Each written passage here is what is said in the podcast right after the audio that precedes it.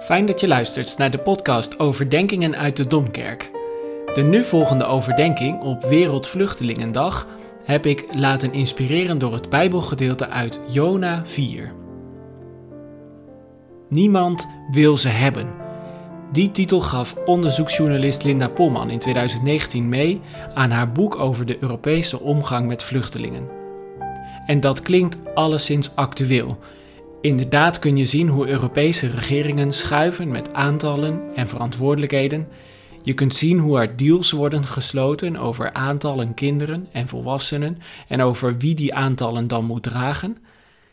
En elke keer weer gaat het over de vraag hoe de poort van Europa, die landen rondom de Middellandse Zee, zo goed mogelijk dicht kan worden gezet. Griekenland en Italië doen het daarin naar de smaak van de meeste andere Europese landen eigenlijk nooit goed. Ze doen altijd te weinig en ze doen vrijwel steeds het verkeerde. Niemand wil ze hebben.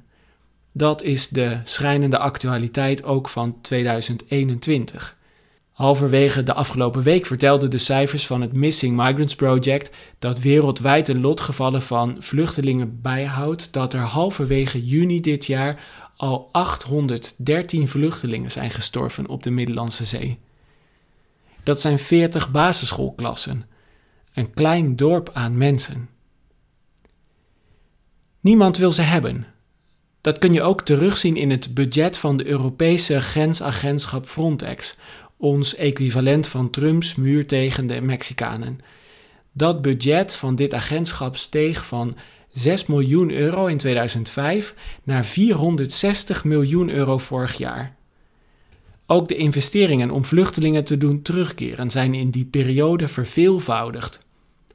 Er loopt inmiddels een tot de tanden toe bewapende en van alle middelen voorziene grenswacht langs de kusten van Europa.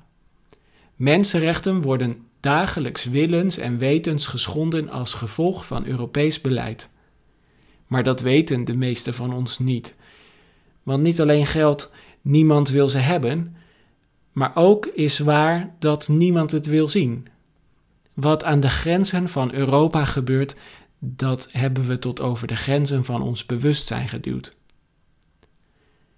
De titel van Linda Polmans boek heeft ze overigens niet zelf bedacht. De realiteit is veel onheilspellender. Het betreft een triomfantelijke Duitse krantenkop uit 1938. En je snapt vast al te midden van welke realiteit dat was. De eerste internationale top over de Europese omgang met vluchtelingen in het Franse kuuroord Evian, die ging over de grote stroom Joden die uit Nazi-Duitsland probeerden te ontkomen.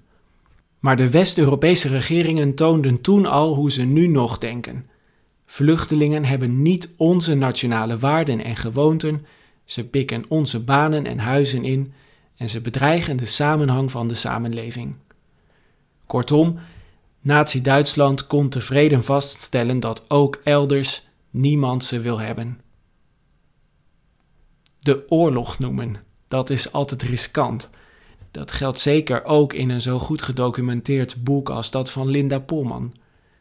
Op dit punt in het gesprek heb je je misschien al wel geërgerd. Zelfs als wij het lot van vluchtelingen erbarmelijk vinden, dan nog gaat de vergelijking met het beleid dat leidde tot de Holocaust voor velen van ons nog wel ver. Anderen vinden juist dat je niet krachtig genoeg kunt veroordelen wat Europa nu doet. Linda Polman is daar zelf ook wel een goed voorbeeld van. Ze is op basis van feiten te werk gegaan, maar ze is niet bepaald oordeelsvrij of neutraal. En dat wil ze ook helemaal niet. De boosheid loopt regelmatig van de pagina's. Die boosheid, die wij wellicht ook wel voelen, is zelfs tamelijk typerend geworden voor de hele maatschappelijke omgang en het hele maatschappelijke gesprek over vluchtelingen. Een deel van de mensen maakt zich ontzettend boos over het erbarmelijke en mensontwaardige lot dat anderen treft. Een ander deel van de samenleving maakt zich juist ontzettend boos over de naïviteit van een welkomstcultuur en is boos omdat ze hun levenswijze onder de voet gelopen zien.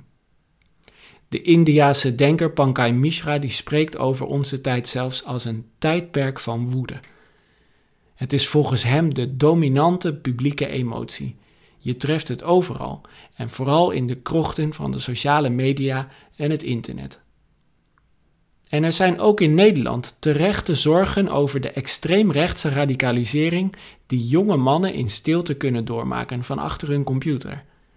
Ze vinden voortdurend de online bevestiging van hun woede en die richt zich doorgaans op wat ze zien als de bedreiging van hun Nederlandse leefwijze en identiteit. De soms openlijke voorliefde daarbij voor een fascistische oplossing, dat doet terugdenken aan de donkerste dagen van de Europese geschiedenis. Zo erg ver weg is het dus helaas ook niet. Met de Bijbelse profeet Jona zitten we in het hart van die kwestie. De profetische betekenis van woede is wat mij betreft zelfs het hoofdthema van dit kleine profetenboekje en de reden ook dat het is doorverteld. Jona is boos. Maar dat is nog te bleek, hij is woedend, hij ziet wit heet van razernij.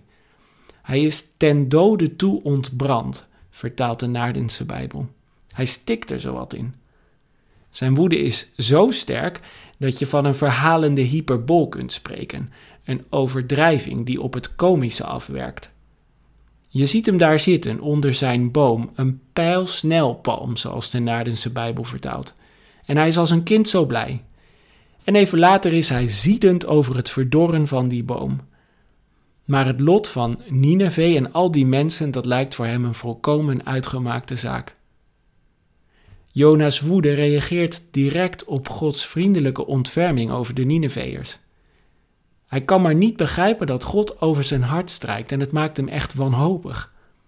Volmondig benoemt Jona de kern van Israëls theologie. God is genadig, ontfermend, langmoedig en groot in zijn vriendschap en hij krijgt berouw over zijn kwaad. Maar voor Jona kan dat allemaal niet waar zijn, niet voor Nineveh tenminste. Hij heeft immers dat grote onrecht en het goddeloze kwaad van Nineveh gezien en hij meent dat alleen straf daarop een passende reactie is. God zou toch moeten ontbranden over Nineveh, meent Jona, en als profeet heeft hij zich dat oordeel helemaal aangetrokken. Hij heeft dat ontbranden in woede zich helemaal eigen gemaakt, het belichaamd. En daarmee is hij op zichzelf genomen een buitengewoon goede profeet geworden in Israëls beste traditie. Kijk eens woede en tieren, Jezaja en Jeremia, Ezekiel, de talloze kleinere schriftprofeten. En dat is ook geen wonder als je bedenkt waar Abraham Joshua Heschel op wijst, dat de antenne voor onrecht en voor kwaadwilligheid bij de profeten zo buitengewoon scherp en gevoelig staat afgesteld. Het zijn mensen met een intense verontwaardiging over zaken die voor anderen triviaal zijn.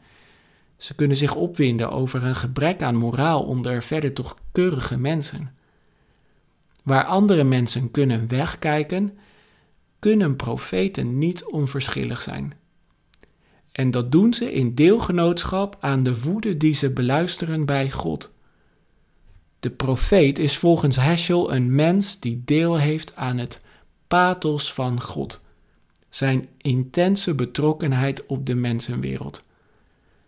De profeet is niet zomaar een spreekbuis van God, maar hij ervaart een heel sterke participatie in het emotionele leven van God, ook al klinkt dat voor ons misschien wat vreemd. Op het eerste gezicht doet Jona zijn profetische werk dan ook voorbeeldig. Hij heeft zich Gods ontbranden over Nineveh aangetrokken maar als de wending dan in God komt, als achter de woede over onrecht een vriendelijk gelaat verschijnt, dan kan Jona het niet langer meer meemaken. En dan blijkt dat het toch ook eerder de kracht van zijn eigen woede is die in Jona spreekt. Het is niet langer Gods verontwaardigde woede, maar Jona met zijn oordeel over wat er mis is in de wereld. En dan blijkt iets belangrijks. De kracht van de menselijke woede kan zelfs nog vernietigender zijn dan die van God, lijkt het verhaal ons te willen vertellen. Hoed je dus voor mensen, voor profeten die in hun woede niet langer met en voor God spreken. Die zijn nog erger dan moralisten, ze zijn zelfs levensgevaarlijk geworden in hun verontwaardiging, hoe terecht het ook mag zijn. Want ze zijn het besef kwijtgeraakt dat Gods toorn, zoals Abraham Joshua Heschel dat dan zegt, dat Gods toorn herroepelijk is. Ze zijn het besef kwijtgeraakt dat Gods geduld groter is dan de kracht van zijn woede. Dat wil niet zeggen dat God onverschillig is, maar hij duldt de mensen langer dan zij elkaar kunnen dulden. Achter gerechtigheid en toorn, daar ligt, zoals Heschel dat noemt, het mysterie van mededogen. En wie dat niet meer kent, die wordt een scherprechter van de ergste soort. Abraham Joshua Heschel stelt de spannende vraag die voor de meeste profeten ook hun levenslange kern uitmaakt. In een wereld waarin de rechtvaardigen lijden en de boosdoeners voorspoed hebben, kijkt God daarin een andere kant op? Als je de klapperende tenten op Lesbos ziet, als je de angstige blikken in de bootjes ziet, dan zou je dat wel kunnen denken. En moet je je dan ook niet als mens, als samenleving, misschien als kerk daarover verontwaardigen, er tegen in opstand komen en met woede tegen die hoge hekken om Europa slaan? De profeet Jona lijkt die keuze te maken om niet op te geven boos te zijn, want hij heeft het kwaad gezien. Nineveh is een kwaadwillige en onverschillige samenleving, en Jona zal niet loslaten tot het geheel is uitgeroeid. Ik denk dat Jona zelfs voelt dat hij plaatsvervangend voor God moet optreden. Als God zich dan niet uitspreekt, als God dan liefdevol en genadig blijkt te zijn, dan moet toch tenminste Jona nog aan de woede en aan het terechte oordeel vasthouden. Hoe ga je nu op een goede manier om met zoveel profetische, zoveel diep doorleefde woede? Hoe kan de kerk, hoe kan het christelijke geloof iets betekenen in een wereld die ook zoveel woede kent? Het beste antwoord op woede is meestal humor. Waar je voelt bij de woede van Jona dat de schouders omhoog trekken, dat de adem steeds meer ingehouden wordt, dat de atmosfeer steeds verstikkender wordt, daar brengt humor dat allemaal los en weer naar beneden. Er moet soms een goede grap gemaakt worden.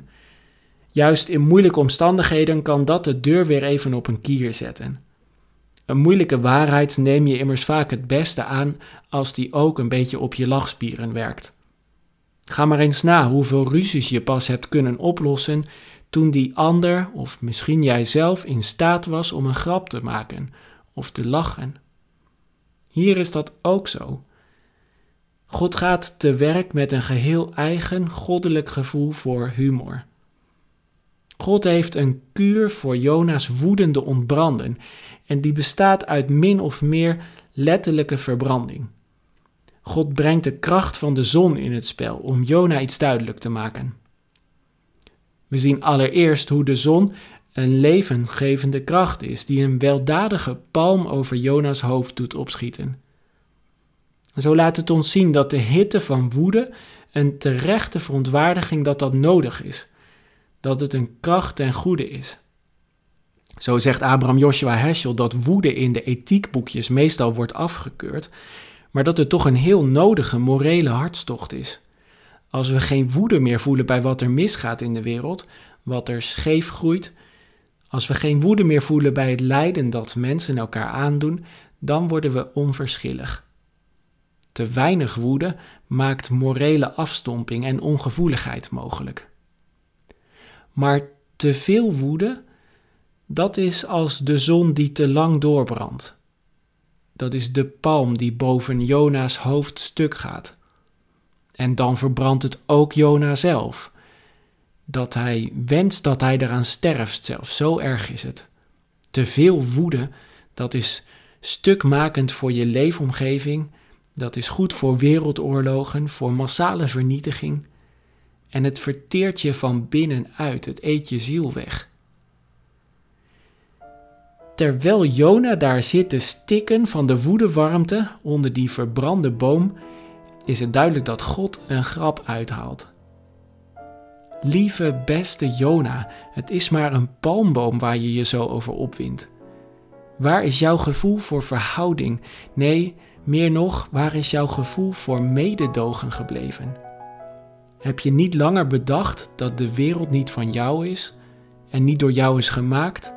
Noch door jouw toedoen zal worden gered.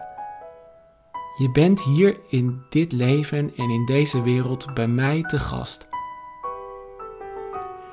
De slotversen van dit kleine Bijbelboekje vormen een buitengewoon genereuze uitnodiging van Gods zijde om mee te doen in Zijn genegenheid richting alle mensen. En dat betekent niet dat je moet wegkijken van het kwaad, of dat je moet wegvluchten voor je verantwoordelijkheid. Je mag en je moet de aardse stad naar je beste weten en kunnen op het goede pad proberen te houden. En je moet aan de kaak stellen wat mis is. Maar je doet het als bijwoner. Je bent in de wereld geplaatst als ook zelf een vreemdeling, iemand die tegelijk een hogere toekomst kent en die blijft zoeken. Zou dat niet een zekere ontspanning brengen in alles? En zou ons dat misschien niet ook wat kunnen laten lachen om die verbeten ernst waarmee wij vasthouden aan ons mooie schaduwrijke plekje in de wereld? Die wereld die niet van ons is en waar God al lang bezig is om al die andere mensen plaats te verschaffen in zijn koninkrijk?